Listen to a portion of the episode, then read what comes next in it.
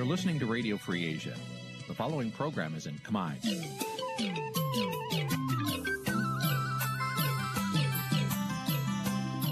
Nǐ chi càm bi tiệp xáy vệt chiu a zì sê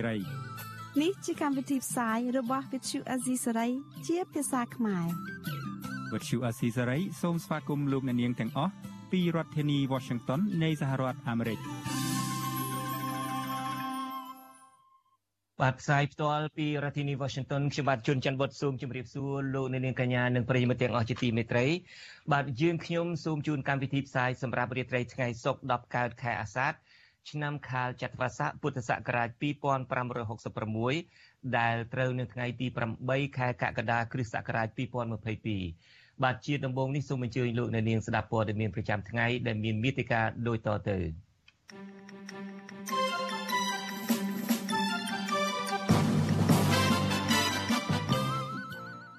សង្គមស៊ីវិលនឹងជួបជុំគ្នានៅកន្លែងឃាតកម្មលោកបណ្ឌិតកែមលីនៅថ្ងៃទី10ខែកក្កដាអ្នកជំនាញបារម្ភថាការបន្តធ្វើសោតវិសោធនកម្មច្បាប់នឹងប៉ះពាល់ដល់លទ្ធិប្រជាធិបតេយ្យគ្រួសារស្លុតចិត្តនៅពេលឃើញសកម្មភាពស្ថានភាពសកម្មជនបកប្រឆាំងនៅក្នុងពន្ធនាគារ នៅក្នុងរាត្រីនេះដែរយើងនឹងមាននីតិវិទ្យាអ្នកស្ដាប់ពិសេសមួយឧទ្ទិសដល់លោកបណ្ឌិតកែមលីតើលោកបណ្ឌិតកែមលីធ្លាប់ផ្ដល់ការវិភាគបែបណាតាក់ទងទៅនឹងបញ្ហាសំខាន់សំខាន់មួយចំនួនដូចជាបញ្ហាភ្លើងអគិសនីដីសម្បត្តិនិងបញ្ហាផ្ទៃអំណាចពីលោកហ៊ុនសែនទៅកូនប្រុសច្បងរបស់លោកឲ្យសូមអញ្ជើញលោកនាងរងចាំតាមដានស្ដាប់និងទស្សនាដូចតទៅ បាទជាបន្តទៅទៀតនេះខ្ញុំបាទជួនច័ន្ទបុតស៊ូមជូនព័ត៌មានទាំងនេះពិស្ដាបាទលោកនាងកញ្ញាជាទីមេត្រីក្រមមន្ត្រីអង្គការសមាគមសហជីពគ្រងជួបជុំគ្នាដើម្បីរំលឹកវិញ្ញាណក្ខន្ធនិងបាំងស្គលតាមបែបព្រះពុទ្ធសាសនាជូនបណ្ឌិតកែមលីនៅស្តុបបូកូដែលជាកន្លែងឃាតកម្មនៅថ្ងៃទី10ខែកក្កដានេះកម្មវិធីជួបជុំនៅស្តុបបូកូនោះនឹងធ្វើឡើងនៅម៉ោង8ព្រឹក បន្ទាប់មកពួកគាត់ក៏នឹងទៅជួបជុំគ្នានៅការិយាល័យផ្ទះសាមគ្គីនៅម៉ោង10ព្រឹកដោយនិមន្តព្រះសង្ឃពីរអង្គបាំងស្គលឧទ្ទិសកុសលជូនលោកបណ្ឌិតកែមលីពិធីនោះក៏មានតំណាងអង្គការសង្គមស៊ីវិលថ្លែងសារទៅកាន់ក្រមអ្នកសារព័ត៌មានអំពីការបន្តទៀមទាយុទ្ធធម៌ពេញលេញសម្រាប់ក្រមគ្រួសារនិងជនរងគ្រោះ មន្ត្រីជាន់ខ្ពស់ប្រព័ន្ធផ្សព្វផ្សាយនៃសមាគមបណ្ដាញយុវជនកម្ពុជា CYN លោកមាចត្រាឲ្យដឹងថាពិធីជួបជុំបែបពុទ្ធសាសនានេះមិនបានដាក់លិខិតសុំការអនុញ្ញាតពីអាជ្ញាធរទេ ពីព្រោះជាការអនុវត្តសិទ្ធិសេរីភាពស្របតាមច្បាប់ ហើយពិធីនេះក៏មិនកំណត់អ្នកចូលរួមដែរលោកសង្ឃឹមថាអាញាធរនឹងមិនរារាំងពិធីជួបជុំតាមបែបព្រះពុទ្ធសាសនា របស់ក្រុមអង្គការសមាគមនោះឡើយ។ ហើយខ្ញុំគិតថាបើសិនជារដ្ឋាភិបាលឆ្លាតគាត់នឹងមិនធ្វើការរារាំងទេព្រោះអីបើសិនជាការធ្វើពិធីរំលឹកខួបប៉ុណ្ណឹងអាចថាយ៉ាងច្រើនចំណាយពេល1ម៉ោង2ម៉ោងចប់កម្មវិធីយើងទៅផ្ទះរៀងខ្លួនហើយបើសិនជាមានការរារាំងវាជារូបភាពមួយអាក្រក់មើលសម្រាប់សាធារណជនណាបាទអញ្ចឹងបើសិនជារដ្ឋាភិបាលឆ្លាតគាត់នឹងមិនរារាំងការប្រពៃពិធីនេះទេបាទ បាទខ្ញុំគិតថាជារឿងល្អបើសិនជារដ្ឋាភិបាលគាត់ព្យាយាមមកយុទ្ធធរជូនលោកមរិតកម្មលីវិញណាហើយវាជាជាងការរារាំងព្រោះអីទោះបីជាគាត់រារាំងក៏គេនៅតែធ្វើដែរអាហ្នឹងអ្វីដែលយើងមើលណាហើយបើសិនជាយើងធ្វើទៅគាត់រារាំងអាហ្នឹងសាធារណជនគេមើលឃើញហើយថាតើហេតុអីគ្រាន់តែយើងចង់ទៅគ្រប់វិញ្ញាណក្ខន្ធត្រឹមរយៈពេល1ម៉ោង2ម៉ោងទៅបានរារាំងវាវាអាក្រក់មើល បាទតកតងនឹងរឿងនេះវិទ្យុអាស៊ីសេរីមិនទាន់អាចសុំការឆ្លើយបំភ្លឺពីអ្នកនាំពាក្យសាលារាជធានីភ្នំពេញលោកមេតមាសភក្តីបាននៅឡើយទេដោយទូរស័ព្ទចូលពុំមានអ្នកទទួលទោះជាយ៉ាងណាកន្លងមកអាជ្ញាធររដ្ឋាភិបាលចោទលោកហ៊ុនសែនថាតែងតែរៀបរៀងនឹងចាប់ខ្លួនអ្នកប្រារព្ធខួបនិងថែមទាំងហាមមិនអោយពលរដ្ឋពាក់អាវមានរូបនិងបង្ហាញទស្សនៈលោកបណ្ឌិតកែមលីថែមទៀតផង។ កាលពីថ្ងៃទី10ខែកក្កដាឆ្នាំ2016លោកបណ្ឌិតកែមលីដែលជាអ្នកអត្ថាធិប្បាយបញ្ហាសង្គមនិងនយោបាយដ៏លេចធ្លោត្រូវបានឃាតករបាញ់សម្លាប់ក្នុងថ្លុកឈាមនៅហាងកាហ្វេមួយកន្លែងនៅក្នុងស្ថានីយ៍ប្រេងឥន្ធនៈនៅកណ្ដាលរាជធានីភ្នំពេញការបាញ់ប្រហារនេះគឺកើតឡើងក្រោយពីលោកបានផ្ដល់ការអធិប្បាយ ដល់បណ្ដាញសារព័ត៌មានអំពីការកាន់កាប់ទ្រព្យសម្បត្តិដ៏ច្រើនសន្ធឹកសន្ធាប់របស់ក្រុមគ្រួសារលោកនាយករដ្ឋមន្ត្រីហ៊ុនសែនដែលលាតត្រដាងនៅក្នុងរបាយការណ៍របស់អង្គការឃ្លាំមើលពិភពលោកគឺ Global Witness រហូតមកទល់ពេលនេះរដ្ឋាភិបាលលោកហ៊ុនសែននៅតែខកខានក្នុងការស្វែងរកយុត្តិធម៌ជូនលោកបណ្ឌិតកែមលីនិងក្រុមគ្រួសាររបស់លោកក្នុងឱកាសប្រារព្ធខួប6ឆ្នាំនេះក្រុមអង្គការសង្គមស៊ីវិលនិងអ្នកគោរពស្រឡាញ់បណ្ឌិតកែមលី នៅតែបន្តទាមទារឲ្យអាជ្ញាធរវេកមុខចាប់ជនដៃដល់ពិតប្រាកដនិងអ្នកពាក់ព័ន្ធជាពិសេសអ្នកនៅក្រោយខ្នងបញ្ជា យកមកកាត់ទោសតាមច្បាប់ដើម្បីផ្ដល់យុត្តិធម៌សម្រាប់ជនរងគ្រោះនិងក្រុមគ្រួសារ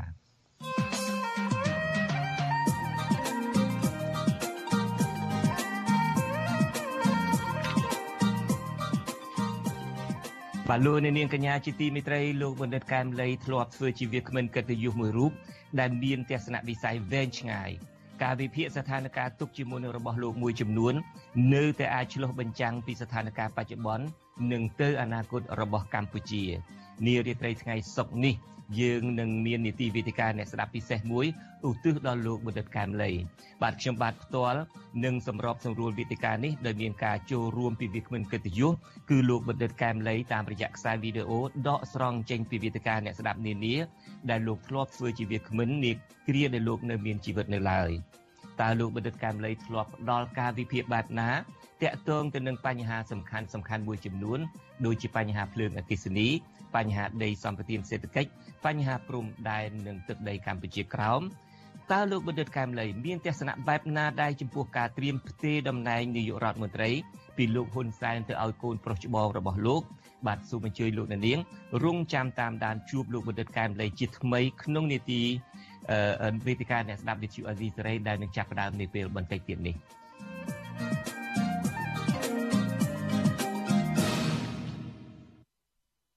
បាទយើងងាកមករឿងអ្នកដែលកំពុងជាប់ឃុំដែលជាសកម្មជនគណៈបកសង្គ្រោះជាតិឯនេះវិញពួកគាត់អះអាងថាបាទគ្រួសាររបស់ពួកគាត់អះអាងថាតក់ស្លុតមែនទែននៅពេលដែលបានឃើញលោកគង់សំអានស្គមស្គាំងគ្មានកម្លាំងដោយមន្ត្រីពន្ធនាគារមិនបានយកចិត្តទុកដាក់ដោះស្រាយស្ថានភាពចង្អៀតណែនសេវាសុខភាព និងប្រព័ន្ធវិទ្យុសកម្មជាដើមពួកគេចាត់ទុកការចាប់ឃុំខ្លួនអ្នកនយោបាយទាំងគ្មានកំហុស ដាក់ពន្ធនាគារដោយបាត់បង់សេរីភាពថាជារឿងអយុត្តិធម៌និងជាទរណកម្មធ្ងន់ធ្ងរមន្ត្រីសង្គមស៊ីវិលយល់ថាជនជាប់ឃុំគ្រប់រូបមានសិទ្ធិសេវាសុខភាពស្មើគ្នា ដែលអាជ្ញាធរមានកាតព្វកិច្ចដោះស្រាយសំណើទាំងនេះលោកជាតិចំណានមានសេចក្តីរាយការណ៍អំពីរឿងនេះពីរដ្ឋធានី Washington ប្រពន្ធនិងកូនរបស់មន្ត្រីគណៈបកសង្គ្រោះជាតិនៅខេត្តត្បូងឃ្មុំលោកគង់សំអានបានធ្វើដំណើរជាង200គីឡូម៉ែត្រតាមរថយន្តឈ្នួលមកភ្នំពេញ ដើម្បីចូលសួរសុខទុក្ខឪពុកនិងប្តីដែលកំពុងធ្លាក់ខ្លួនឈឺនៅក្នុងពន្ធនាគារព្រៃសរនៅព្រឹកថ្ងៃទី8ខែកក្កដាសាច់ញាតិសកម្មជនបកប្រឆាំងដែលកំពុងជាប់ឃុំព្រួយបារម្ភពីស្ថានភាពលំបាកក្នុងពន្ធនាគារព្រៃសរដែលប៉ះពាល់ខ្លាំងដល់សុខភាពជនជាប់ឃុំដែលអាជ្ញាធរមានសមត្ថកិច្ចត្រូវតែប្រញាប់ដោះស្រាយជាបន្ទាន់កូនស្រីលោកគង់សំអានកញ្ញាគង់មួយលីប្រាប់វិទ្យុអេស៊ីស្រីថាកញ្ញាតក់ស្លុតនិងស្រក់ទឹកភ្នែកពេលឃើញឪពុកវ័យ70ឆ្នាំ មានសភាពស្គមស្គាំងបានរៀបរាប់ពីទុកវេទនាដែលគាត់ជាប់ក្នុងពន្ធនាគារទាំងគ្មានកំហុសកូនស្រីមន្ត្រីបពប្រឆាំងរូបនេះឲ្យដឹងថាឪពុកកញ្ញាមានជំងឺរ៉ាំរ៉ៃដូចជាជំងឺលើឈាមជំងឺដោះសាច់តម្រងនោមឈឺធ្មេញនិងឈឺចុកចាប់ក្នុងរាងកាយដែលត្រូវការយកចិត្តទុកដាក់ថែទាំនិងព្យាបាលឲ្យបានត្រឹមត្រូវពីគ្រូពេទ្យកញ្ញាថាមឡុងពេលដែលជាប់ឃុំក្នុងពន្ធនាគារព្រៃសរនោះឪពុករបស់កញ្ញាត្អូញត្អែពីការចុះខ្សោយសុខភាពដោយសារតែភាពចង្អៀតណែនខ្វះអនាម័យ និងប្រព័ន្ធវិទ្យុសកម្មជាដើមកញ្ញាទទូចដល់រដ្ឋាភិបាលឬក្រសួងមហាផ្ទៃឲ្យដោះស្រាយបញ្ហាបន្ទប់ឃុំឃាំងដែលដាក់ជនជាប់ឃុំច្រើនលើសលប់និងដកឧបករណ៍ដែលផ្ដាច់ប្រព័ន្ធទូរស័ព្ទដែលប៉ះពាល់សុខភាពនោះចេញវិញឃើញគាត់អាហារគាត់ឈឺនោះខ្ញុំទៅផុតរកអីនិយាយនឹងគ្មានទេមានតែទឹកស្រក់ទឹកភ្នែកក្នុងមុខគាត់ ឃើញគាត់ស្គមផ្សេងស្គាំងហើយក៏មានជំងឺថាសរសៃទៀតពេលអញ្ចឹងខ្ញុំនឹងផុតចិត្តណាស់សូមមេត្តាដោះលែងគាត់ទៅព្រោះចាស់ហើយឲ្យគាត់មករស់នៅជាមួយក្រុមគ្រួសារខ្ញុំវិញផងគាត់គ្មានកំហុសដោយលោកចោទទេលោកគង់សំអានអាយុ70ឆ្នាំគឺជាអតីតគ្រូបង្រៀននិងជាសមាជិកក្រុមប្រឹក្សាស្រុកមេមត់នៃគណៈបកសង្គ្រោះជាតិលោកត្រូវបានអាជ្ញាធរចាប់ខ្លួនកាលពីដើមខែកញ្ញាឆ្នាំ2020តុលាការខេត្តត្បូងឃ្មុំបានផ្តន្ទាទោសលោកឲ្យជាប់ពន្ធនាគារ7ឆ្នាំ ពីបទរួមគំនិតក្បត់ដែលសារតែលោកបានគ្រប់គ្រងនយោបាយរបស់ថ្នាក់ដឹកនាំបកប្រឆាំងនិងហូបនំបញ្ចុកជុំគ្នាជាមួយនឹងសមាជិកដទៃទៀតនៃគណៈបកនេះជាពិសេសលោកបានគាំទ្រដំណើរវិលចូលស្រុកវិញរបស់លោកសំរងស៊ីកាលពីខែវិច្ឆិកាឆ្នាំ2019ថ្មីថ្មីនេះតុលាការកំពូលបាននំកល់សេចក្តីសម្រេចរបស់តុលាការជាន់ក្រោមដែលបានកាត់ទោសឲ្យលោកគង់សំអានជាប់ពន្ធនាគារ7ឆ្នាំដដែល វិសុអស៊ីសេរីមិនអាចតាក់ទងแนะនាំពាក្យក្រសួងអគ្គនាយកដ្ឋានពន្ធនាគារនៃក្រសួងមហាផ្ទៃលោកនុតសាវណ្ណាដើម្បីសូមបញ្ជាក់ជុំវិញរឿងនេះបានទេនៅថ្ងៃទី8ខែកក្កដាប៉ុន្តែកន្លងមកលោកនុតសាវណ្ណាធ្លាប់ប្រាប់វិសុអស៊ីសេរីថាមន្ត្រីរបស់លោកបានយកចិត្តទុកដាក់ទៅលើបញ្ហាសុខភាពនិងអនាម័យរបស់ជនជាប់ឃុំទាំងអស់ទោះជាយ៉ាងណាកាលពីថ្ងៃទី14ខែមីនាកន្លងទៅការិយាល័យឧត្តមស្នងការអង្គការសហប្រជាជាតិទទួលបន្ទុកសិទ្ធិមនុស្សនៅកម្ពុជាបានចេញរបាយការណ៍ថាពន្ធនាគារកម្ពុជា កាលពីឆ្នាំ2021មានចំនួនអ្នកជាប់ឃុំច្រើនជាង3ដងនៃសមត្ថភាពដែលកន្លែងនេះអាចផ្ទុកជនជាប់ឃុំបានរបាយការណ៍នោះបន្តថាភាពចង្អៀតណែនការខ្វះទឹកស្អាតប្រើប្រាស់និងខ្វះអនាម័យការទទួលខ្យល់អាកាសបរិសុទ្ធមិនបានគ្រប់គ្រាន់និងភាពគ្មានការថែរក្សាសុខភាពក្នុងពន្ធនាគារគឺជាហានិភ័យដែលអាចបង្កឲ្យមានការប្រព្រឹត្តអមនុស្សធម៌ខុសខើនិងការបន្ទាបបន្ថោកតម្លៃរបស់អ្នកជាប់ឃុំជាដើម នាយកទទួលបន្ទុកកិច្ចការទូតនៃអង្គការសិទ្ធិមនុស្សលីកាដូលោកអំសំអាតមានប្រសាសន៍ថាបច្ចុប្បន្នជនជាប់ឃុំនៅតែជួបបញ្ហាលំបាកដដែលដោយភាពចង្អៀតណែននិងការផ្ដល់សេវាសុខភាពនៅក្នុងពន្ធនាគារមិនឆ្លើយតបទៅនឹងចំនួនអ្នកជាប់ឃុំច្រើនលើសលប់ទន្ទឹមនឹងនេះលោកសង្កេតឃើញថាកន្លងមកករណីអុកញ៉ានិងអ្នកមានលុយមានអំណាចអាចដេកសម្រាប់នៅមន្ទីរពេទ្យខាងក្រៅពន្ធនាគាររាប់ឆ្នាំ ខុសពីអ្នកទោសនយោបាយនិងគ្រួសារក្រីក្រដែលនាំឲ្យសាធារណជនរិះគន់ពីការអនុវត្តច្បាប់ស្តង់ដារ2កណ្ណាតភាពចង្អៀតណែនវាអត់មានតលយៈភាពនិងសប្រមាណរវាងមន្ត្រីពន្ធនាគារជាមួយនឹងអ្នកជាប់ឃុំទេចំណុចនឹងហើយដែលបង្កផលវិបាកវាមិនមែនផលវិបាកតែទៅលើអ្នកជាប់ឃុំមួយទេមន្ត្រីនឹងក៏មានផលវិបាកដូចគ្នាវានៅតែចំណុចដែលបញ្ហាត្រូវធ្វើការដោះស្រាយបន្តទៀតលោកអំសម្បត្តិយល់ថា អ្នកនយោបាយដែលពាក់ព័ន្ធគួរតែចូលតុចរចាបញ្ចប់វិបត្តិនយោបាយដើម្បីដោះលែងសកម្មជនទាំងនោះឲ្យមានសេរីភាពនិងប្រកួតប្រជែងតាមរយៈការបោះឆ្នោតដោយដែលអ្នកនយោបាយធ្លាប់ធ្វើពីមុនមកមកដល់ពេលនេះមានសកម្មជនគណៈបកប្រឆាំងជាង60នាក់ទៀតកំពុងជាប់ឃុំក្នុងពន្ធនាគារ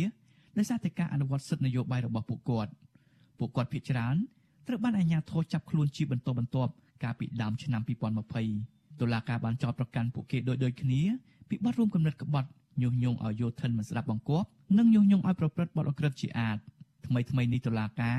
បានផ្តន្ទាទោសពួកគេឲ្យជាប់ពន្ធនាគារចន្លោះពី5ឆ្នាំទៅ7ឆ្នាំប៉ុន្តែសកម្មជននយោបាយខ្លះតម្រូវឲ្យអនុវត្តទោស3ឆ្នាំ8ខែ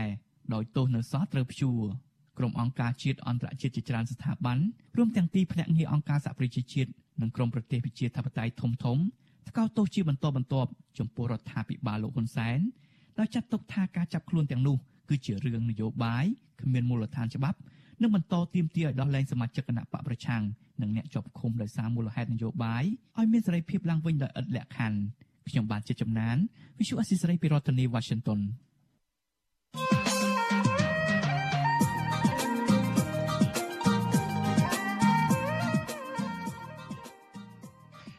បាទលោកនាងកញ្ញាជាទីមេត្រីលោកបណ្ឌិតកែមលីធ្លាប់ធ្វើជាវាគ្មិនកិត្តិយសមួយរូប ដែលមានទស្សនវិស័យវែងឆ្ងាយការវិភាគស្ថានភាពទុកជាមុនរបស់លោកមួយចំនួន នៅតែអាចឆ្លុះបញ្ចាំងពីស្ថានភាពបច្ចុប្បន្ននិងទៅអនាគតរបស់កម្ពុជានារាត្រីថ្ងៃសុក្រទី8ខែសីហានេះយើងនឹងមាននីតិអ្នកស្ដាប់យើងនឹងមាននីតិវេទិកាអ្នកស្ដាប់ពិសេសមួយដើម្បីឧទ្ទិសជូនលោកបណ្ឌិតកែមលីខ្ញុំបាទនឹងសម្របសម្រួលនីតិវេទិកានេះ ដោយមានការចូលរួមពីវាគ្មិនកិត្តិយសគឺលោកបណ្ឌិតកែមលីតាមរយៈខ្សែវីដេអូដកស្រង់ចេញពីវេទិកាអ្នកស្ដាប់នានាដែលលោកធ្លាប់ធ្វើជាវាគ្មិនគ្រាដែលលោកនៅមានជីវិតនៅឡើយតើលោកបណ្ឌិតកែមលីធ្លាប់ផ្ដល់ការវិភាគបែបណាតាក់ទងទៅនឹងបញ្ហាសំខាន់សំខាន់មួយចំនួនដូចជាបញ្ហាភ្លើងអគ្គិសនីបញ្ហាដីសម្បត្តិសេដ្ឋកិច្ចបញ្ហាព្រំដែននិងទឹកដីកម្ពុជាក្រោម តើលោកបណ្ឌិតកែមលីធ្លាប់មានទស្សនៈបែបណាចំពោះការត្រៀមផ្ទេរតំណែងនាយករដ្ឋមន្ត្រី ពីលោកហ៊ុនសែនទៅកូនប្រុសច្បងរបស់លោក បាទសូមអញ្ជើញលោកអ្នកនាងរងចាំតាមដានជួបជាមួយលោកបណ្ឌិតកែមលីក្នុងនីតិវិទ្យាបាទក្នុងនីតិជាវាគ្មិនកិត្តិយសជាថ្មីម្ដងទៀតនាពេលបន្តិចទៀតនេះបាទសូមអរគុណ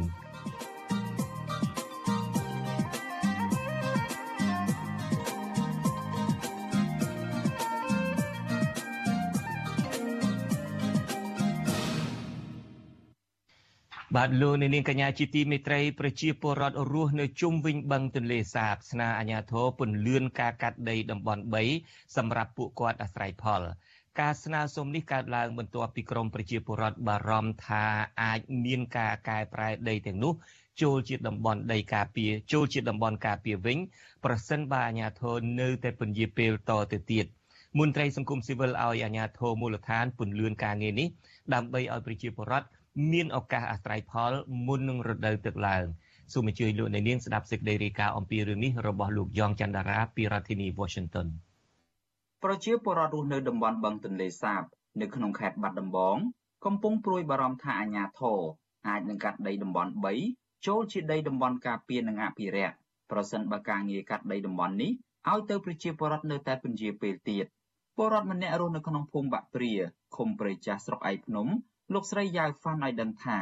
មុខទល់នឹងពេលនេះមិនទាន់មានអាជ្ញាធរភូមិឃុំទៅវាស់វែងដីទាំងនោះកាត់ឲ្យប្រជាពលរដ្ឋនៅឡើយទេលោកស្រីបារម្ភថាដីទាំងនោះនឹងដុះព្រៃស៊ប់ទ្រប់ពិបាកដល់ការធ្វើស្រែចម្ការនៅឆ្នាំក្រោយត្បិតថានៅអំឡុងពេលនេះមិនមាននរណាម្នាក់ហ៊ានទៅកាប់ឆ្ការត្រួសត្រាយស្មៅនៅលើដីទាំងនោះឡើយលោកស្រីស្នើឲ្យអាជ្ញាធរកាត់ដីតំបន់3ឲ្យបានឆាប់រហ័សសម្រាប់ឲ្យប្រជាពលរដ្ឋបានអាស្រ័យផល និងសង់លំនៅឋាន លោកស្រីបន្តថាប្រសិនបើការងារនេះនៅតែពន្យាពេលតទៅទៀតនោះអាជ្ញាធរអាចនឹងកាត់ដីទាំងនេះទៅជាតំបន់ការពារឬតំបន់អភិរក្សវិញ ដែលនាំឲ្យប៉ះពាល់ធ្ងន់ធ្ងរដល់ប្រជាពលរដ្ឋខាងខ្ញុំណែបើបាត់បង់ទៅប៉ះពាល់ច្រើនហ្នឹងទី1ខែប្រាំងគ្នាដាំបន្លែកម្មទេសអីចឹងបំផ្លាញជីវភាពខ្លះទី2គ្នាខ្លះគ្នាគ្មានដីនៅបើចាយខ្លះវិញឲ្យគ្នាមកគ្នាអាចទៅនៅនៅកន្លែងហ្នឹងចំណែកប្រធានសហគមន៍ទប់ស្កាត់បទល្មើសនេសាទ ភូមិអនសងសកឃុំប្រែកនរិន លោកឌីចានវិញឲ្យដឹងថា នៅតំបន់ខ្លះនៅក្នុងស្រុកឯកភ្នំដូចជានៅឃុំពីមឯកជាដើមនោះអាជ្ញាធរបានដោះស្រាយវាស់វែងដីតំបន់នោះរួចរាល់ហើយតែលោកថាទោះជាបែបនេះក្តីអាជ្ញាធរនៅមិនទាន់អនុញ្ញាតឲ្យប្រជាពលរដ្ឋទៅភ្ជួររាស់កាប់ឆ្ការនៅលើដីទាំងនោះនៅឡើយទេដោយរងចាំការសម្រេចថាដីណាឲ្យប្រជាពលរដ្ឋនិងដីណាទុកជាសម្បត្តិរបស់រដ្ឋលោកបន្តថាប្រជាពលរដ្ឋ កំពុងព្រួយបារម្ភពីស្មៅដុះស៊ុបទ្រប់នៅលើដីទាំងនោះហើយអាជ្ញាធរអាចនឹងផ្លាស់ប្តូរចិត្តកាត់ដីទុកជាសម្បត្តិរដ្ឋវិញលោកស្នើសុំឲ្យអាជ្ញាធរពន្យាការងារនេះឲ្យបានឆាប់រហ័សដើម្បីឲ្យប្រជាពលរដ្ឋបានទៅកាប់ឆ្ការព្រៃសម្រាប់អាស្រ័យផល ជាពិសេសនៅមុនពេលទឹកទន្លេឡើង។ ហើយនៅចូលខែ7នៅទឹកទន្លេជិតមកហើយមួយខែកន្លះទៀតហ្នឹងមកដល់បាត់ទឹកពេញវាលបាត់ខ្ញុំចង់ឲ្យអាជ្ញាធរនឹងពន្លឿននៃធ្វើការនឹងពន្លឿនឲ្យបានច្បាស់លាស់ព្រោះវែងឲ្យបានច្បាស់លាស់ឲ្យប្រជាពលរដ្ឋនឹងគ្នាឲ្យមានទឹកចិត្តថាដីណាត្រឹមណាវាឲ្យធ្វើដីត្រឹមណាដែលមិនឲ្យធ្វើឲ្យបានច្បាស់លាស់បន្តិចគាត់ណាដីទៅទុកយូរទៅព្រៃវាដោះវិញតែដោះវិញក៏បាក់ធ្វើបាក់អីកាត់ទឹកដីរដ្ឋទាំងអស់ទៀតវិទ្យុអេស៊ីស៊ីរីនៅមិនទាន់អាចតាក់ទងអភិបាលស្រុកឯកភ្នំលោកមិលសុផលដើម្បីសាកសួររឿងនេះបាននៅឡើយទេ ក៏ប៉ុន្តែមន្ត្រីរដ្ឋបាលស្រុកឯកភ្នំម្នាក់ដែលសូមមិនបញ្ចេញឈ្មោះបានឲ្យដឹងថា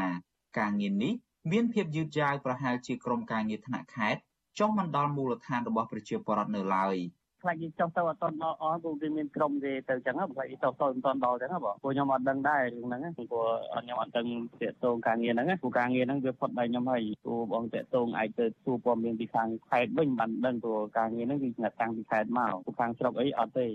ជុំវិញរឿងនេះអ្នកសម្របសម្រួលផ្នែកខ្លំមើលការរំលោភសិទ្ធិមនុស្សនៃអង្គការលីកាដូប្រចាំនៅខេត្តបាត់ដំបង គឺលោកអិនកុងចិត្តមានប្រសាសន៍ថាអាជ្ញាធរមូលដ្ឋានគួរតែចាត់តាំងក្រុមការងារឲ្យមានប្រសិទ្ធភាពដើម្បីពន្លឿនការវាស់វែងដីជូនប្រជាពលរដ្ឋលោកបន្តថាការងារត្រូវធ្វើឡើងឲ្យបានឆាប់រហ័សមុនពេលទឹកទន្លេឡើងមក ដើម្បីសម្រួលដល់ការធ្វើការរបស់អាជ្ញាធរ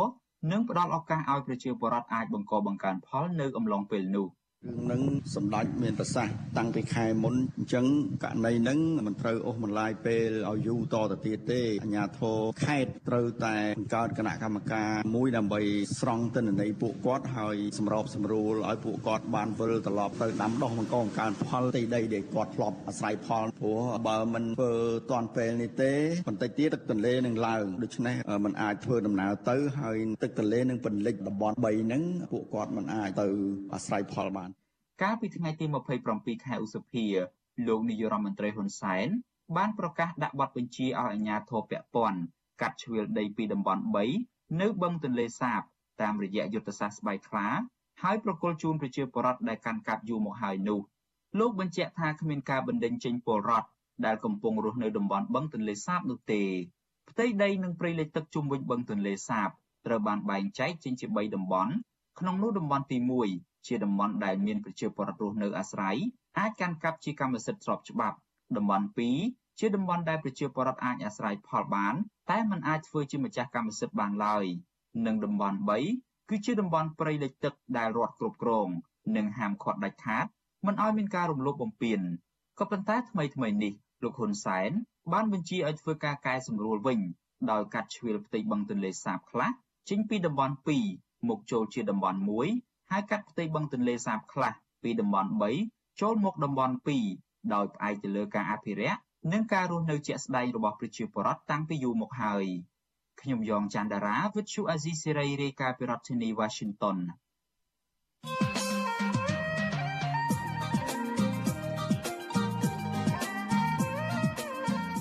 បាទលោកនាងកញ្ញាជាទីមេត្រីលោកបុឌិតកែមលីធ្លាប់ធ្វើជាវាគ្មិនមួយរូបដែលមានទស្សនវិស័យវែងឆ្ងាយ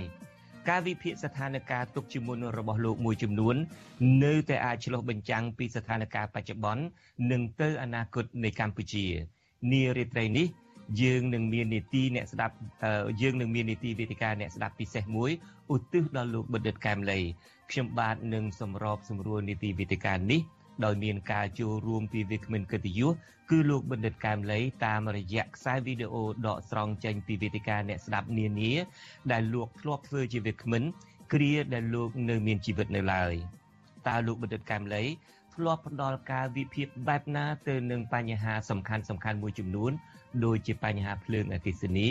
បញ្ហាដីសម្បត្តិសេដ្ឋកិច្ចបញ្ហាព្រំដែននិងបញ្ហាទឹកដីខ្មែរកម្ពុជាក្រោមបាទតើលោកបណ្ឌិតកែមលី ធ្លាប់មានទស្សនៈបែបណាដែរចំពោះការត្រៀមផ្ទេរអំណាចតំណែងនាយករដ្ឋមន្ត្រីពីលោកហ៊ុនសែនទៅកូនប្រុសច្បងរបស់លោក បាទសូមអញ្ជើញលោកអ្នកនាង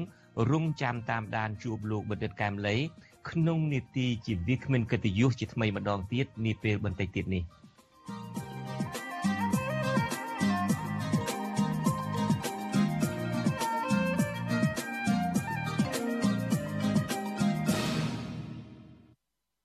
បាទតកតងទៅនឹងមរណភាពរបស់អតីតនាយករដ្ឋមន្ត្រីជប៉ុនលោកស៊ីនសូអាបេវិញម្ដង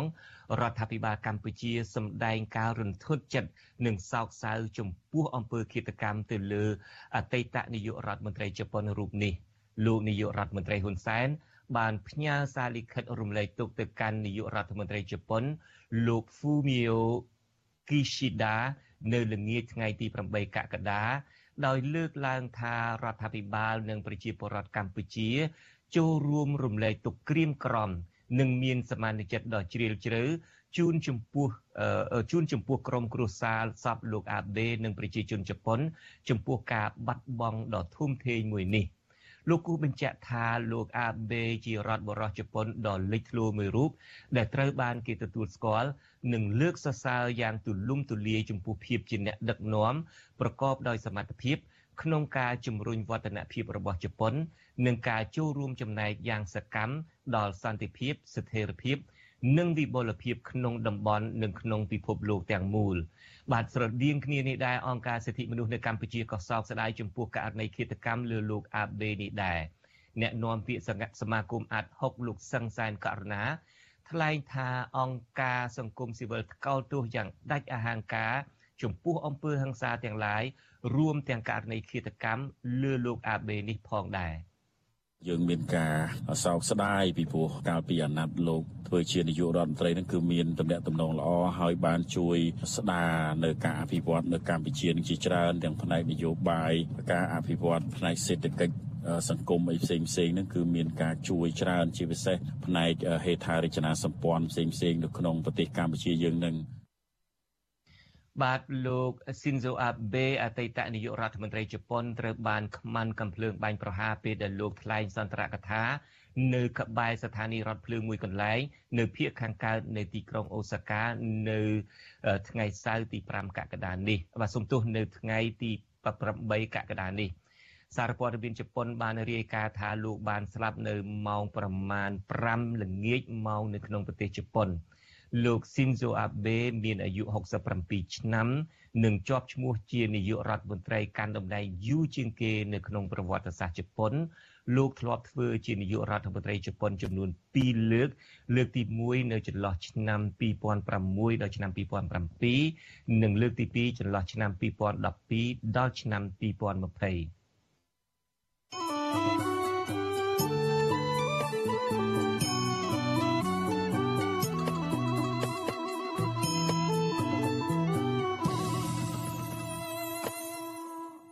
បាទលោកនាងកញ្ញាជាទីមេត្រីអ្នកប្រើប្រាស់បណ្ដាញសង្គមមួយចំនួននិងអ្នកបណ្ឌិតកែមលីនិយមនាំគ្នាផ្ញើសាររំលឹកពីវីរភាពលោកបណ្ឌិតកែមលី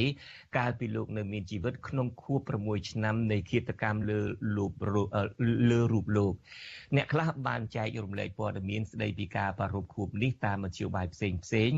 ដោយអំពាវនាវឲ្យមានការចូលរួមឲ្យបានច្រើនតាមដែលអាចធ្វើទៅបាន នៅទីកន្លែងណាមួយ ឬតាមបណ្ដាញសង្គម ហើយបន្តចងចាំនៅវីរភាពព្រមទាំងគុណតម្លៃរបស់លោកដែលបានបន្សល់ទុកសម្រាប់សង្គមខ្មែរទាំងមូលបាទជាបន្តទៅទៀតនេះលោកសេកបណ្ឌិតស៊ូមដកស្រង់នៅសារនិង comment មួយចំនួននៅលើបណ្ដាញសង្គមមកជម្រាបជូនលោកអ្នកនាងដូចតទៅ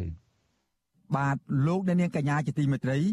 សារនិង comment ដែលអ្នកប្រើប្រាស់បណ្ដាញសង្គមនិងអ្នកកែមលេខនិយមមួយចំនួន លើកយកមកបង្ហាញនិងចែករំលែក ឬហៅថា share តតគ្នា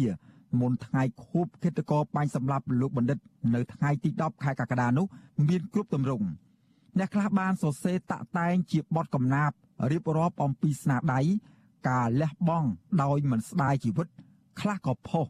ឬក៏សែរំលឹកឡើងវិញនៅទស្សនៈ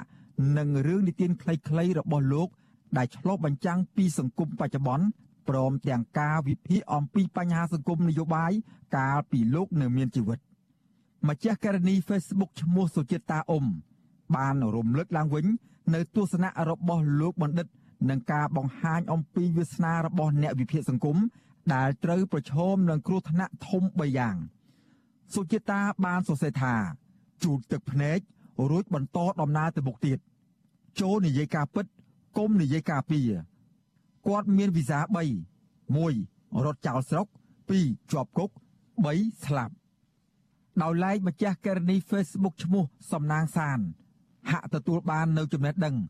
ហើយអនុវត្តបានផល តាមរយៈទស្សនៈទានរបស់លោកបណ្ឌិតកែមលីសំណាងសានបានសរសេរថា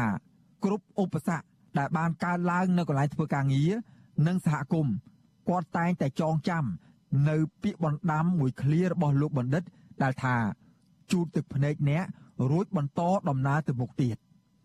រីឯម្ចាស់ករណី Facebook ឈ្មោះសុធនសាងវិញ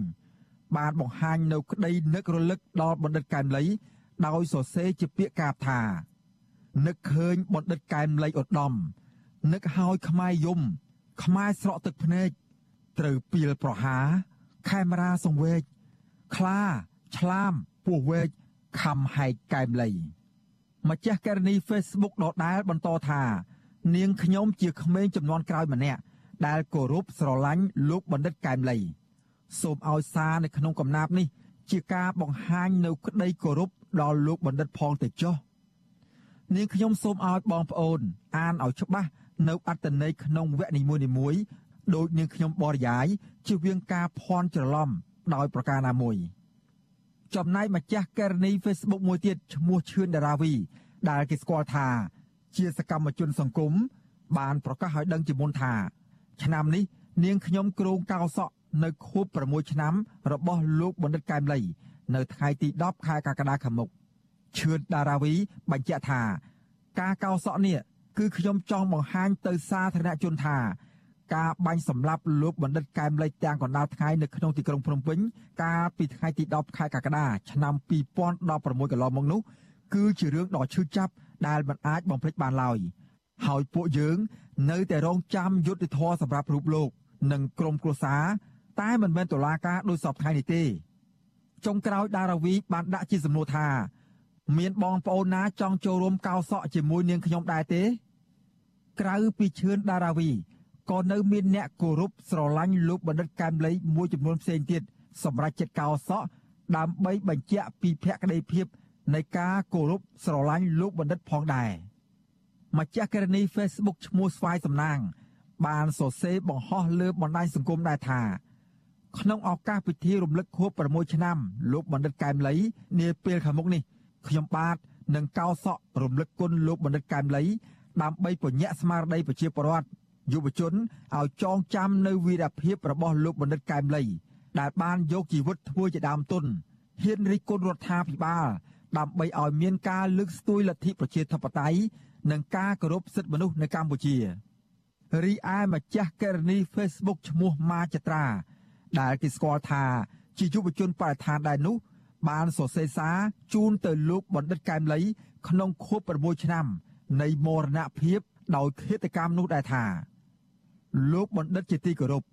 ថ្ងៃនេះខ្ញុំសូមនិយាយបន្តិចដោយក្តីស្រណោះអាឡោះអាល័យគ្មានថ្ងៃបំភ្លេចបានឡើយលោកបណ្ឌិត ជាពលរដ្ឋខ្មែរសាមញ្ញម្នាក់ដែលមនុស្សខ្មែររាប់លាននាក់បានស្គាល់លោក តាមរយៈការសិក្សាស្រាវជ្រាវ និងវិភាគពីព្រឹត្តិការណ៍សង្គមនិងនយោបាយជាតិខ្មែរការបាត់បង់លោកបណ្ឌិតម្នាក់ហាក់បីដូចជាបាត់បង់អ្នកដឹកនាំការគិតម្នាក់ បាត់បង់អ្នកគិតដល់ជាតិម្នាក់បាត់បង់គ្រូម្នាក់ក្នុងចំណោមគ្រូច្រើនអ្នកផ្សេងទៀតដែលមិនហ៊ាននិយាយប្រាប់សិស្សអំពីបញ្ហាសង្គមនិងការដោះស្រាយបញ្ហាក្នុងសង្គមលោកបណ្ឌិតប្រហែលជាមិនដឹងទេថាសពថ្ងៃនេះគេឲ្យមនុស្សខ្មែរយល់តែពីពាក្យមួយថា សន្តិភាព គេឲ្យមនុស្សសូត្រតាមខណៈដែលអ្នកសូត្រតាមនោះក៏ជាអ្នកជនរងគ្រោះក្នុងសង្គមនេះដែរ ចំណែកយុវតីបរិស្ថានម្នាក់ទៀតគឺកញ្ញាភួនកែវរស្មីក៏បានសរសេរសារខ្លីមួយ នៅលើទំព័រ Facebook របស់ខ្លួន ដែលហាក់ផ្សារភ្ជាប់ទៅនឹងសាច់រឿងនេះដែរម្ចាស់ករណី Facebook រូបនេះ បានសរសេរបែបឌឺដងថាទោះយូរប៉ុណ្ណាក៏ការបាត់បង់នេះនៅតែជារឿងដ៏សោកសៅមួយក្នុងសម័យសន្តិភាពនេះដោយឡែកទំព័រ Facebook ឈ្មោះខ្មែរថាវរៈក៏បានសរសេរចងក្រង រំលឹកពីវីរភាពនិងទស្សនៈទានសំខាន់សំខាន់របស់បណ្ឌិតកែមលីសម្រាប់ចូលរួមថ្ងៃខួប6ឆ្នាំនេះដែរអត្ថបទជាពាក្យកាបនោះ បានសរសេររៀបរាប់ថាវីរភាពបណ្ឌិតកែមលី6ឆ្នាំហើយ ដែលលោកឃ្លាតចាកឆ្ងាយពីញាតិមិត្តប្រុសស្រីវីរភាពបណ្ឌិតកែមលីពិតជាមានតម្លៃគួរជាទីនឹករលឹកជូតទឹកភ្នែករួចបន្តដំណើរទោះក្នុងដំណើរមមាញឹក កុំរស់ដូចត្រីហែលបណ្ដោយទឹកលះបង់ជីវិតមិនខ្លាចក្រែងនិយាយក្តែងក្តែងឲ្យចិត្តស្បើយតែគេមិនទុករូបលោកឡើយអោបណ្ឌិតអើយសែនសោកស្ដាយបើលាតត្រដាងពីរឿងពិត បង្ហាញគំនិតកោះកកាយឲ្យយុវជន ស្វែងយល់បញ្ចិនណាយបើទោះឃ្លាតកាយតែគេនៅឈ្មោះដ៏ពិរោះក្រអូបសាយលាយឡំគំនិតដែលជាផ្លូវ ទោះបីរូបកាយចាកឆ្ងាយទៅ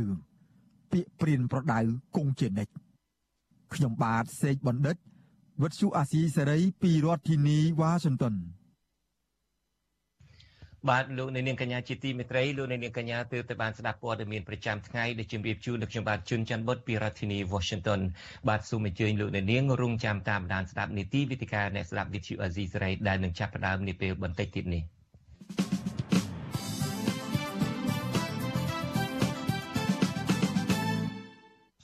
បាទជាបន្តទៅទៀតនេះគឺជានីតិវេទិកាអ្នកស្ដាប់ Vithu Azizi Serai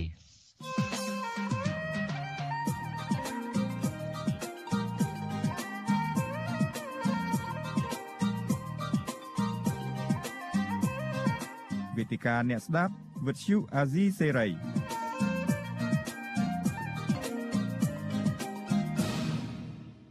បាទលោកនាងកញ្ញាជាទីមេត្រីខ្ញុំបាទជួនច័ន្ទបុតស៊ូមជម្រាបសួរលោកនាងកញ្ញាជាថ្មីម្ដងទៀតនីតិវិទ្យាអ្នកស្ដាប់វិទ្យុអាស៊ីសេរីនេះឱកាសនេះខ្ញុំបាទព្រមទាំងសហការីទាំងអស់សូមឧទ្ទិសនីតិអ្នកស្ដាប់នាវេលានេះជូនដល់វិញ្ញាណក្ខន្ធលោកបណ្ឌិតកែមលី បាទខ្ញុំបាទនឹងមានសម្របសម្រួលនីតិវេទិកាអ្នកស្ដាប់នេះដោយមានវាគ្មិនកិត្តិយសគឺលោកបណ្ឌិតកែមលី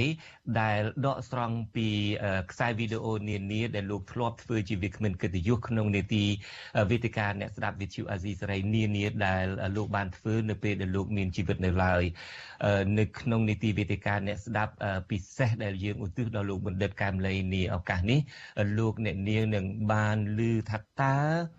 លោកបណ្ឌិតកែមលីមានទស្សនៈនិងមានការវិភាគបែបណា ចំពោះបញ្ហាសំខាន់សំខាន់មួយចំនួន ដែលកើតឡើងនៅក្នុងប្រទេសកម្ពុជា ជាពិសេសបញ្ហាភ្លើងអគ្គិសនីបញ្ហាដីសម្បត្តិសេដ្ឋកិច្ចបញ្ហាដែលតុលាការប្រើប្រាស់បទបរិហាគេបទចោតពី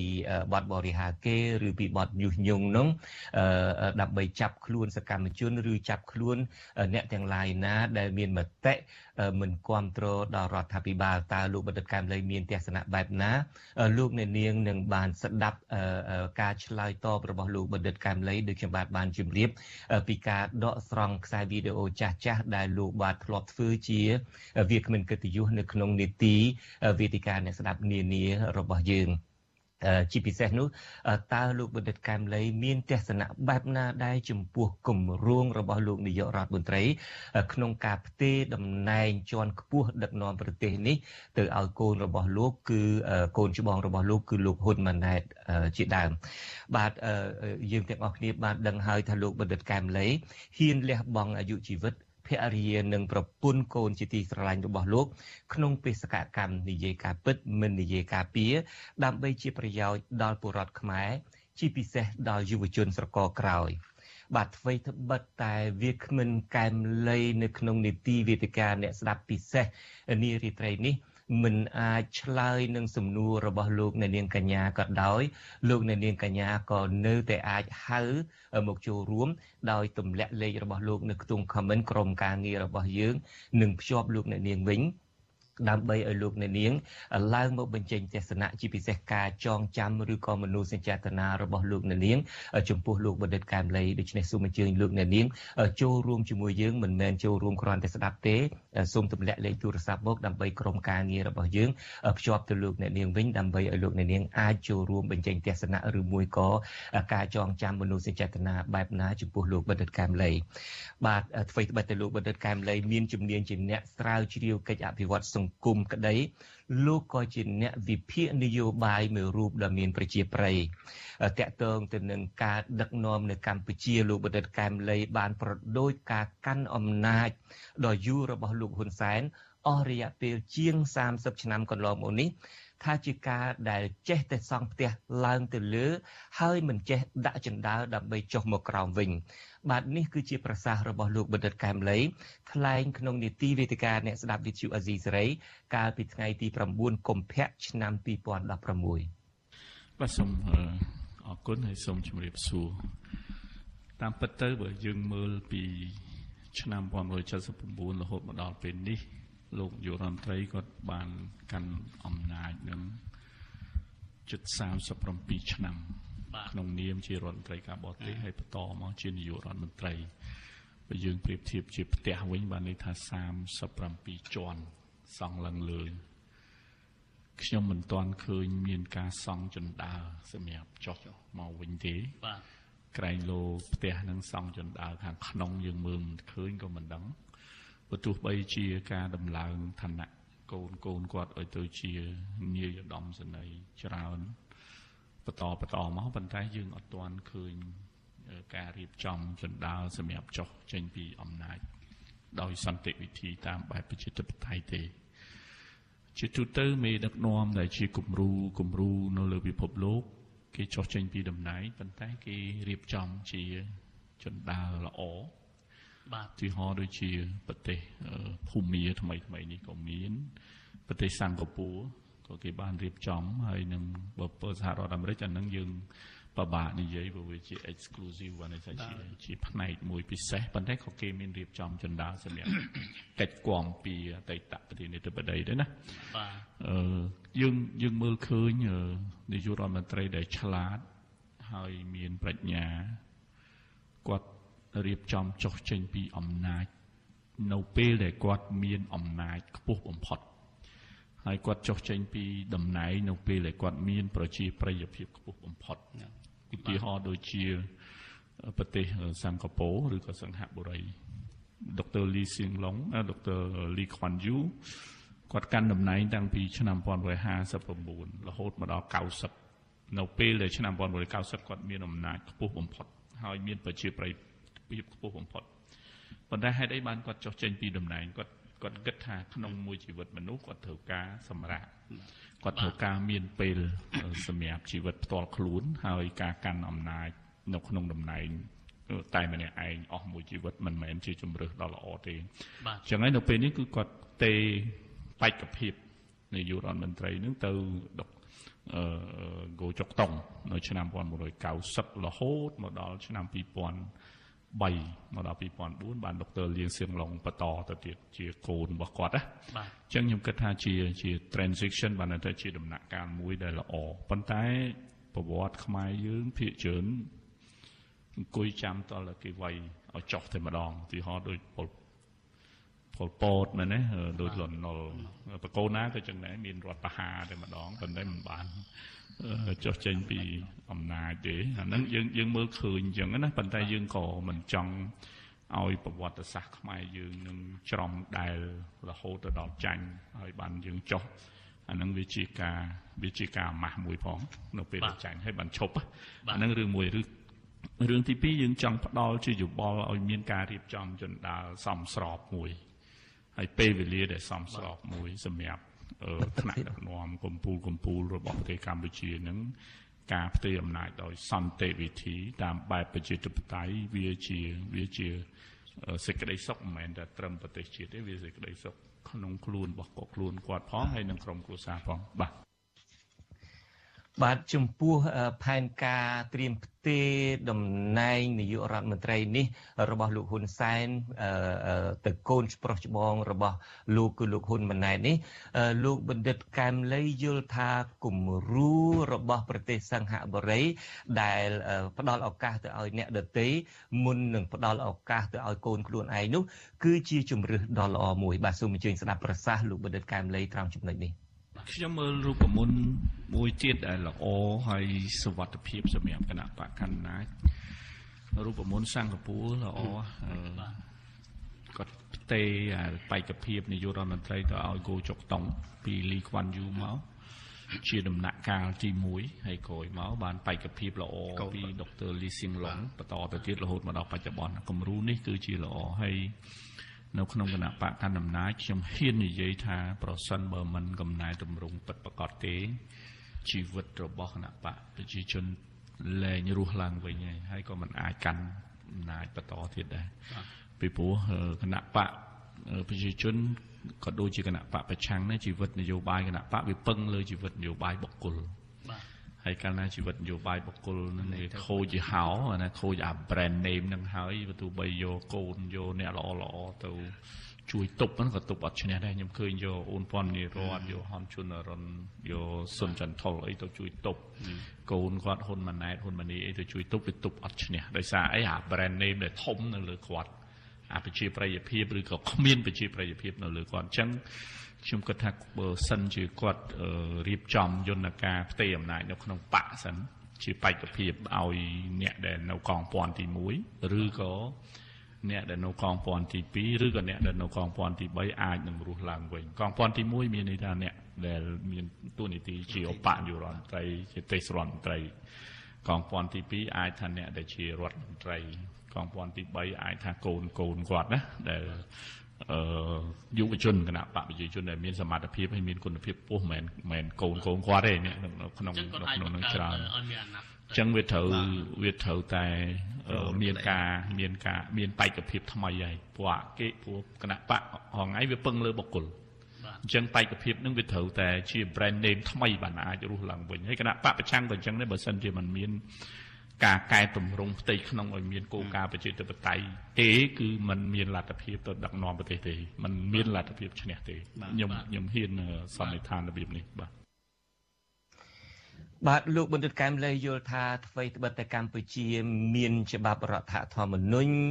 មានការបោះឆ្នោតដែលមើលទៅហាក់ដូចជាអនុលោមទៅតាមលទ្ធិប្រជាធិបតេយ្យក្តី លោកថាជំងឺបពុនិយម គ្រួសារនិយមរបស់មន្ត្រីរដ្ឋាភិបាល និងពីសំណាក់អ្នកនយោបាយទាំងពីខាងគណៈបកប្រឆាំងនិងគណៈបកកាន់អំណាចផងនោះអាចជាឧបសគ្គដ៏ធំរារាំងមិនឲ្យកម្ពុជាដើរតាមគន្លងប្រជាធិបតេយ្យបាទនេះគឺជាប្រសាសន៍របស់លោកបណ្ឌិតកែមលីឆ្លើយតបទៅនឹងសំណួររបស់អ្នកហៅចូលមកម្នាក់ឈ្មោះចម្រើនប្រសិនបើ នាយករដ្ឋមន្ត្រីលោកមានឆន្ទៈពិតប្រាកដដោះស្រាយនៅរាល់បញ្ហាជាតិលោកគួរតែរៀបចំនៅយុវជនដែលមានចំណេះដឹងខ្ពស់ល្អលោកមិនអាចថាអូរៀបចំនៅកូនចៅក្រុមបព្វរបស់លោកដើម្បីជាតិរបស់យើងតែមួយសម្រាប់តែកូនចៅគ្រួសារបាននោះទេដូច្នេះដើម្បីឲ្យមានសម្លាភាពនិងយុត្តិធម៌ប្រទេសជាតិនៃការរឿងគួរគិតដល់យុវជនដើម្បីធ្វើការផ្លាស់ប្ដូរនិងការដឹកនាំឲ្យបានល្អស្របទៅតាមលទ្ធិជាតិតែនិងការ ចូលដឹងតាមសង្គមបច្ចុប្បន្នជាក់ស្ដែងសកម្មភាពជាក់ស្ដែងលោកនាយករដ្ឋមន្ត្រីក៏លោកមានការប្រើ Facebook តាមអ៊ីនធឺណិតអីអីលោកក៏លោកដឹងដែរអញ្ចឹងក៏ខ្ញុំមានសំណួរមួយចង់បកមកសួរលោកវាគ្មិនទាំងពីរលោកមួយណាបកក៏បានសំណួរសួរថាប្រសិនបើលោកនាយករដ្ឋមន្ត្រីលោកនៅតែប្រកាន់គិតថាប្រទេសកម្ពុជារបស់ខ្លួនហើយរៀបក្រុមគ្រួសារបកពួករបស់ខ្លួននោះថាតើកម្ពុជាយើងនឹងធ្លាក់ទៅដល់កម្រិតណា អញ្ចឹងខ្ញុំសំណួរខ្ញុំមានមួយចុងក្រោយសូមពៀវនេះដែរបងប្អូនទាំងអស់គ្នាប្រសិនតើមានបកណារៀបចំបកពួកបុគ្គលរបស់ខ្លួនពេលកាត់បោះឆ្នោតយើងត្រូវសម្រេចឲ្យត្រូវកំហើយសម្រេចទៅលើក្រុមបកពួកបុគ្គលបាទខ្ញុំមានសំណួរតែមួយទេបាទបាទអរគុណច្រើនលោកចម្រើនបាទលោកកាន់លេខសំណួររបស់គាត់បាទបាទនៅក្នុងរដ្ឋធម្មនុញ្ញប្រទេសកម្ពុជាយើង គឺប្រកាន់នៅគោលការណ៍ពលទ្ធិប្រជាធិបតេយ្យសេរីពហុបកមិនដោយកុម្មុយនីសដូចកូរ៉េខាងជើង តំណែងអាចមានដំណោពូជបានទេអានឹងរឿងទី1រឿងទី2អឺវាពឹងផ្អែកទៅលើការបោះឆ្នោតរបស់ប្រជាពលរដ្ឋពិតប្រាកដហើយក៏ប៉ុន្តែយើងត្រូវរៀបចំជនដើរខ្លះសម្រាប់ឲ្យមានការផ្ទេរអំណាចដោយសន្តិវិធីឬក៏យន្តការផ្ទេរអំណាចដោយសន្តិវិធីអានឹងរឿងទី2រឿងទី3រឿងបពពួកនិយម គ្រួសារនិយមនេះវាជាជំងឺនៅស្រុកខ្មែរនឹងធំណាស់ធំនឹងគឺថានឹងធ្លាក់ដល់ កម្រិតណាប្រទេសរបស់យើងបើនៅអញ្ចឹងបាទធ្ងន់ធ្ងរណាស់ហើយទាំងគណៈបកកណ្ដាលអំណាចទាំងគណៈបកប្រឆាំងគឺរឿងបពុនិយមរឿងគ្រួសារនិយមរឿងប្រពន្ធរឿងកូនរឿងកូនប្រសាកូនអីនេះគឺធ្ងន់ធ្ងរមែនទែនតាមពិតនៅក្នុងលទ្ធិប្រជាធិបតេយ្យត្រូវឯងគឺផ្អែកទៅលើសមត្ថភាពផ្អែកទៅលើគុណភាពនិងសេរីភាពរបស់បុគ្គលគាត់មានសិទ្ធិប៉ុន្តែនៅក្នុងយន្តការនៃការធ្វើសេចក្តីសម្រេចចិត្ត ជាគណៈរដ្ឋមន្ត្រីជាក្រុមការងាររបស់ក្រសួងធំធំគេមិនអោយមានបកពួកនិយមទេពីព្រោះការសម្រេចចិត្តទៅវាលំអៀងហើយវាធ្វើឲ្យមហន្តរាយដូចរាល់ថ្ងៃចឹងគឺអង្គើពុកលួយវាកាន់តែខ្លាំងមើលនេះហើយភាពអយុត្តិធម៌ចឹងខ្ញុំមើលឃើញអាការរស់ឡើងវិញរបស់គណៈបកប្រជាជន គឺតាក់ទងទៅនឹងភាពការធ្វើកំណែតម្រង់ធ្វើម៉េចឲ្យប្រព័ន្ធយុត្តិធម៌នឹងល្អទេ ធ្វើម៉េចរៀបចំឲ្យមានការគ្រប់គ្រងជនអន្តោប្រវេសន៍នឹងបានល្អឬក៏ព្រំដែននឹងបានល្អទេមិនមែនតាក់ទងទៅនឹងបញ្ហាទូចតាចទេហើយជាពិសេសគឺបញ្ហាដីធ្លីនឹងធ្វើម៉េចឲ្យបានប៉ុន្តែកំណែតម្រង់3ហ្នឹងខ្ញុំមើលទៅឃើញអត់ទៅមុខ បាទលោកនាងកញ្ញាជាទីមេត្រីគុណតម្លៃដ៏សំខាន់មួយក្នុងចំណោមគុណតម្លៃទាំងប៉ុន្មានរបស់លោកបណ្ឌិតកែមលីគឺការដែលលោកហ៊ានលាតត្រដាងការពិតបើទោះបីជាការធ្វើបែបនេះអាចប៉ះពាល់ដល់សន្តិសុខផ្ទាល់ខ្លួនឬដល់អាយុជីវិតលោកក៏ដោយបាទជាបន្តទៅទៀតនេះគឺជាការឆ្លើយតបរបស់លោកបណ្ឌិតកែមលីទៅអ្នកនឹងអ្នកហៅចូលម្នាក់ឈ្មោះកកដាតកតងទៅនឹងការក្រាញអំណាចរបស់មេដឹកនាំខ្មែរ មានសំណួរមួយអឺសួរទៅលោកបណ្ឌិតកែមលីថាមូលហេតុអីបានជាលោកនាយករដ្ឋមន្ត្រីគាត់មិន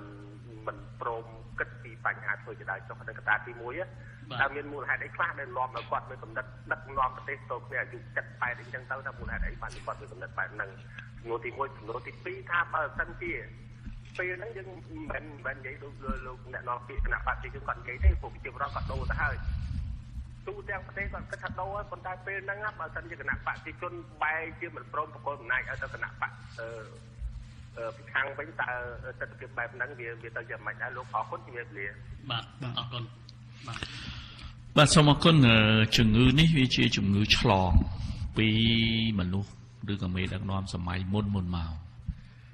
បើគេមិនធ្វើសង្គ្រាមវៃតលាក់ទេមិនចោះទេអត់មានយន្តការចោះចេញពីអំណាច ចោះចេញពីតំណែងឬមួយក៏សង់ជណ្ដើរសន្តិភាពមួយសម្រាប់ចោះទេទី1ទី2ជំងឺនេះគឺជំងឺផ្ទៃក្នុងរបស់គណៈបកកាន់អំណាចខ្លួនឯងវាចុះទៅខ្លាចផ្ទៃក្នុងនឹងមានបញ្ហាអញ្ចឹងយើងមិនអាចទុកជំងឺនឹងឲ្យរៀលដាលរហូតដល់ក្មេងៗជំនាន់ក្រោយទេគួរតែវះកាត់ជំងឺនឹង ហើយជំងឺទី3គឺជាជំងឺក្រាញអំណាចនេះគឺជាជំងឺអាក្រក់បំផុតសម្រាប់សង្គមខ្មែរយើងអឺវាគួរតែព្យាបាលឲ្យជាហើយសុំឲ្យក្មេងក្មេងជំនាន់ក្រោយហ្នឹងកុំស្រឡាញ់អំណាចពេកស្រឡាញ់នៅគុណភាពនៃការងារណាស្រឡាញ់នៅកិត្តិយសស្រឡាញ់នៅគេឈ្មោះវាប្រសើរជាងមុខតំណែងឬក៏អំណាចពីព្រោះខ្ញុំមើលឃើញ ជរាពៀតឲ្យធ្វើការរហូតដល់ស្លាប់នេះខ្ញុំមានភាពអាណិតអាសូរបើតែឃើញអបអយុរដ្ឋមន្ត្រីឃើញរដ្ឋមន្ត្រីប៉ុន្តែខ្ញុំអាណិតអាសូរគាត់ហើយអាសូរដល់កូនកូនគាត់ហេតុអីបានមានសមត្ថភាពមានស្ដុកស្ដំឲ្យទុកឪពុកម្ដាយខ្លួនឯងធ្វើការងាររហូតដល់ជរាពៀតរហូតដល់ស្លាប់ហេតុអីបានមិនទុកឲ្យគាត់ដើរលេង20 30ឆ្នាំហ្នឹងណាទៅទៅស្រែទៅចកាទៅភូមិកំណើតទៅសុបាយណា មិននៅស្មុកស្មាញការងាររដ្ឋមិនមែនស្រួលទេការងាររដ្ឋវាស្មុកស្មាញវាជួបបញ្ហារាល់ថ្ងៃហើយអាយុខ្លីទៀតអាចណាប្រសិនបើយើងព្យាបាលជំងឺនៅជំនាន់នេះឲ្យជាសះស្បើយនោះជំងឺនឹងវាអត់ឆ្លងទៅក្មេងៗតទៀតទេហើយបើសិនជាយើងទុកជំងឺនឹងវាឆ្លងមនុស្សឡើងមកទៀតគឺចង់ក្រាញចឹងទៀតមនុស្សឡើងមកទៀតគឺចង់នៅក្នុងតំណែងនៅក្នុងបកងនឹងរហូតដល់ស្លាប់ខ្ញុំ ហើយយើងមានភាពអាម៉ាស់ដែរណាពេលដែលយើងទៅស្រុកគេណាគេសួរថានាយករដ្ឋមន្ត្រីអ្នកណាគេសួរថាប្រធានសភានឹងអ្នកណានៅតែមនុស្សដដែលដដែលហ្នឹងយើងអាម៉ាស់ណាមិនមិនមិនមែនមិនអាម៉ាស់គេគេថាឯងក្នុងនាមជាកូនខ្មែរមួយដែរហេតុអីបានមិនគ្មានមនុស្សអីសោះទៅដឹកនាំមានតែមនុស្សម្នាក់ហ្នឹងអាហ្នឹងក៏ជាក៏ជាអាម៉ាស់មួយដែរបាទ បាទលោកអ្នកនាងកញ្ញាជាទីមេត្រីខ្ញុំបាទសូមអញ្ជើញលោកអ្នកនាងកញ្ញាចូលរួមក្នុងកម្មវិធីផ្សាយរបស់យើងដោយទម្លាក់លេខទូរស័ព្ទនៅក្នុង comment នៅក្រុមការងាររបស់យើងនិងហៅទៅលោកអ្នកនាងវិញអ្វីត្បិតតែលោកអ្នកនាងមិនអាចសួរសំណួរទៅវាគ្មិនកិត្តិយសរបស់យើងគឺលោកបណ្ឌិតកែមលីដែលជាឆ្លើយឆ្លងតាមខ្សែវីដេអូចាស់ចាស់ដែលលោកធ្លាប់ធ្វើជាវាគ្មិននៅក្នុងនីតិវេទិកានានាកន្លងទៅក៏ដោយចោះលោកអ្នកនាងអាចចូលមកបញ្ចេញមតិយោបល់ឬក៏មនោសញ្ចេតនារបស់លោកអ្នកនាងចំពោះលោកបណ្ឌិតកែមលីបានបាទសូមអញ្ជើញលោកអ្នកនាងចូលរួមជាមួយយើង បាទតកតងទៅនឹងការអភិវឌ្ឍវិញ លោកបណ្ឌិតកែមលីស្រាវជ្រាវរកឃើញថាគម្រោងធំធំណាស់ដែលរដ្ឋាភិបាលអួតអាងថាជាគម្រោងអភិវឌ្ឍដើម្បី រីកចម្រើនដើម្បីកំណើនសេដ្ឋកិច្ចកម្ពុជាអីក៏ដោយចុះលោកបណ្ឌិតរកឃើញដូចជាការកសាងទំនប់វារីអគ្គិសនីជាដើមលោកបណ្ឌិតកែមលីរកឃើញថាការពិតមិនមែនជាគម្រោងអភិវឌ្ឍដើម្បីកំណើនសេដ្ឋកិច្ចអ្វីនោះឡើយលោកថាទាំងអស់នោះសុទ្ធសឹងតែជាមុខរបររកស៊ីដើម្បីរកប្រាក់ចំណេញដល់គ្រួសារឬបពពួករបស់លោកហ៊ុនសែនដោយមិនគិតពីផលវិបាកដល់បរិស្ថានឬដល់ប្រជាពលរដ្ឋនៅមូលដ្ឋានឡើយបាទជាថ្មីម្ដងទៀតលោកបណ្ឌិតកែមលីថានោះមិនមែនជាការអភិវឌ្ឍសម្រាប់កសាងប្រទេសដូចជាការឃោសនារបស់រដ្ឋាភិបាលនោះឡើយបាទក្នុងកិច្ចពិភាក្សាមួយតាក់ទងនឹងអ្វីដែលគេហៅថាជាការអភិវឌ្ឍនោះលោកបណ្ឌិតកែមលីរកឃើញថាចំពោះបញ្ហាភ្លើងអគ្គិសនីនៅកម្ពុជា ដែលនៅតែខ្វះខាត ហើយមានតម្លៃថ្មី គឺកើតឡើងដោយសារថាដោយសារតែគេចាត់ទុកការផ្គត់ផ្គង់អគិសនីនៅកម្ពុជានោះជាមុខរបររកស៊ីរកប្រាក់ចំណេញកប់ក្តោងផ្ដាច់មុខ ដោយមិនអនុញ្ញាតឲ្យមានការផលិតភ្លើងអគិសនីពីប្រភពដទៃទៀតដូចជាការទាញយកភ្លើងពីធម្មពលអគិសនីជាដើមបាទលោកបណ្ឌិតកែមលីមានប្រសាសន៍ក្នុងកម្មវិធីរបស់វិទ្យុអាស៊ីសេរីកាលពីថ្ងៃទី23ធ្នូឆ្នាំ1915ឆ្នាំ2015បាទសូមអញ្ជើញស្ដាប់ដូចតទៅតាមពិតទៅមនុស្សយើងជាពិសេសប្រជាជនខ្មែរហ្នឹងរស់នៅ គឺផ្សារភ្ជាប់ទៅនឹងធម្មជាតិ ទៅនឹងទឹកទៅនឹងដីទៅនឹងព្រៃអញ្ចឹងវាត្រូវការចាំបាច់អភិវឌ្ឍមួយដែលប្រកបដោយនិរន្តរភាពជាទ្រឹស្ដីជាការអនុវត្តជាក់ស្ដែង គឺត្រូវ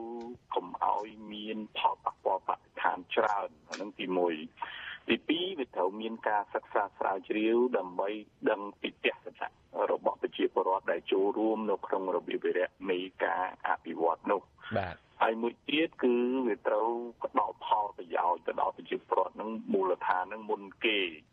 អឺបានយើងចាប់ផ្ដើមគិតអំពីផលប្រយោជន៍ជាតិទាំងមូលហើយបើសិនជាពាក្យពេចន៍ទាំងអស់នេះគឺបង្ហាញនៅគ្មានការគ្មានជំរឿសតាមពិតនៅស្រុកខ្មែរយើងនឹងមានសក្តានុពលធម្មពលអគិសនីនឹងច្រើនខ្ញុំឧទាហរណ៍ប្រជាជនខ្មែរយើងនឹងគឺអាស្រ័យផលដោយកសិកម្មដែលត្រូវការ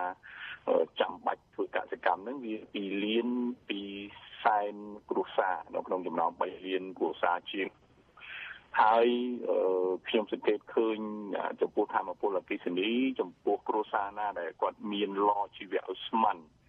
គឺគាត់មិនត្រឹមតែថែទាំបរិស្ថានមិនបានបំផ្លាញបរិស្ថានទេថែមទាំងគាត់អាចកាត់បន្ថយភាពក្រីក្រប្រសិនបើគាត់យកគំនិត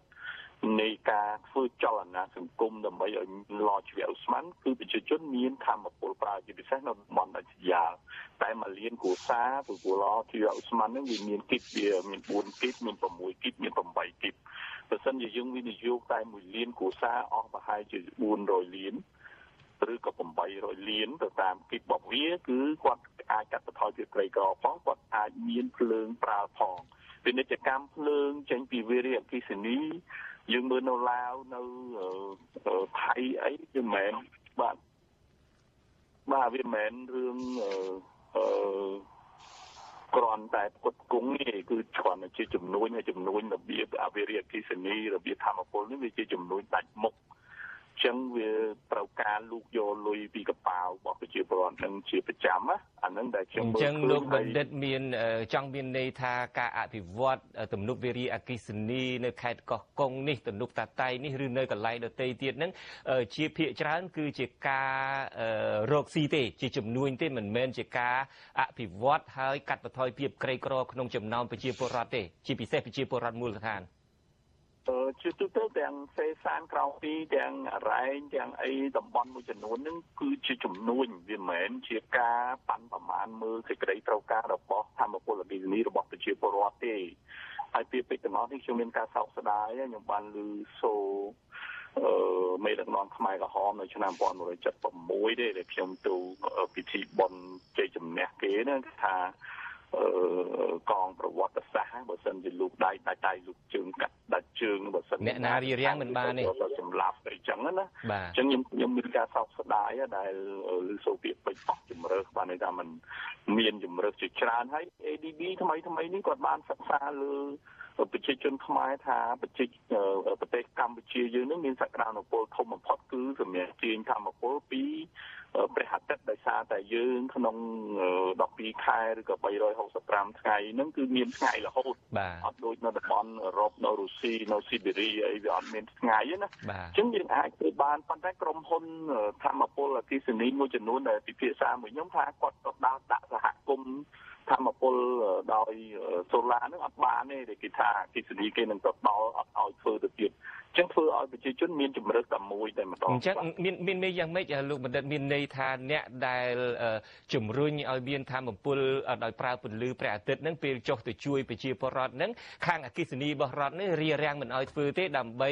ឲ្យប្រើភ្លើងរបស់រដ្ឋនេះទៅវិញមានន័យអញ្ចឹងហ៎បាទបើទោះបីជា អឺភ្លើងអគិសនីប្រើដោយប្រេងឥន្ធនៈឬក៏ភ្លើងអគិសនីនាំមកហ្នឹងគឺមិនទាន់ទៅដល់តំបន់ក៏ដោយក៏មិនក៏រារាំងមិនឲ្យក្រុមហ៊ុនធម្មពលព្រះទឹកដែលមានតម្លៃថោកជាងហើយគាត់ធ្វើជាលក្ខណៈសហគមន៍គាត់ទិញដីទិញអីកន្លះហិកតាហិកតាអស់80000 90000ដើម្បីចែកចាយឲ្យប្រជាជនក៏រារាំងដែរ มันងាយនឹងឲ្យច្បាប់ទេដោយសារគេថាអគិសនីគេនឹងតទៅដល់អាហ្នឹងវាជាទំនិញផ្ដាច់មុខមួយវាជា monopoly មួយកាលណាគេឡើងទៅសភ្លើងខ្សែភ្លើងអគិសនីហើយថ្ងៃក្រោយទៅគេដាក់តម្លៃស្រាចិត្តដែលគាត់នឹងដែលគាត់នឹងគាត់ប្រជាពលរដ្ឋដែលគាត់នឹងគាត់ប្រជាពលរដ្ឋដែលចង់បានធម្មពលដោយពលឺព្រះអាទិត្យឬមួយគាត់ក្រុមហ៊ុនក្រុមហ៊ុនក្រុមហ៊ុនគាត់មានសៀបស្មុកស្មាញនៅក្នុងការតំណាក់តំណងមិនឲ្យច្បាប់មិនអនុញ្ញាតឲ្យធ្វើអីចឹងទៅបាទ បាទព្រោះទោះបីជា ADB គាត់ពិសោធន៍ឃើញយើងមានសក្តានុពលធំយ៉ាងណាក៏ដោយអញ្ចឹងនៅក្នុងតំបន់ឬក៏នៅលើពិភពលោកយើងឃើញសន្តិភាពស្ថានណាម្ដងម្ដងគឺគេលើកទឹកចិត្តឲ្យយើងប្រើធម្មពលដែលជំនួសឡើងវិញដោយ biomass biogas នឹងទៅបានណាហើយបានយើងមិនជ្រើសរើសយកវិធីនឹងបាទ បាទលោកនាងកញ្ញាជាទីមេត្រីកម្មវិធីនីតិវិទ្យាអ្នកស្ដាប់វិទ្យុអេស៊ីសេរីពិសេសដែលមានការចូលរួមពីវាគ្មិនកិត្តិយសគឺលោកបណ្ឌិតកែមលីតាមការដកស្រង់ខ្សែវីដេអូចាស់ចាស់របស់យើងនឹងបន្តទៅរយៈពេល30នាទីទៀតក៏ប៉ុន្តែខ្ញុំបាទឆ្លៀតឱកាសនេះសូមជម្រាបលាលោកនាងកញ្ញាដែលតាមដានការផ្សាយរបស់យើងតាមវិទ្យុរលកធាតុអាកាសខ្លីខ្ញុំបាទសូមជម្រាបលាតែត្រឹមនេះក៏ប៉ុន្តែចំពោះលោកនាងដែលតាមដានការផ្សាយរបស់យើងលើបណ្ដាញសង្គមយើងនឹងបន្តទៅទៀតហើយបន្តិចទៀតនេះខ្ញុំនឹងអញ្ជើញលោកអ្នកដែលបានដាក់លេខទូរស័ព្ទមកដើម្បីមកចូលរួមក្នុងកម្មវិធីផ្សាយរបស់យើងបាទសូមអញ្ជើញលោកនាងតាមដានជាមួយ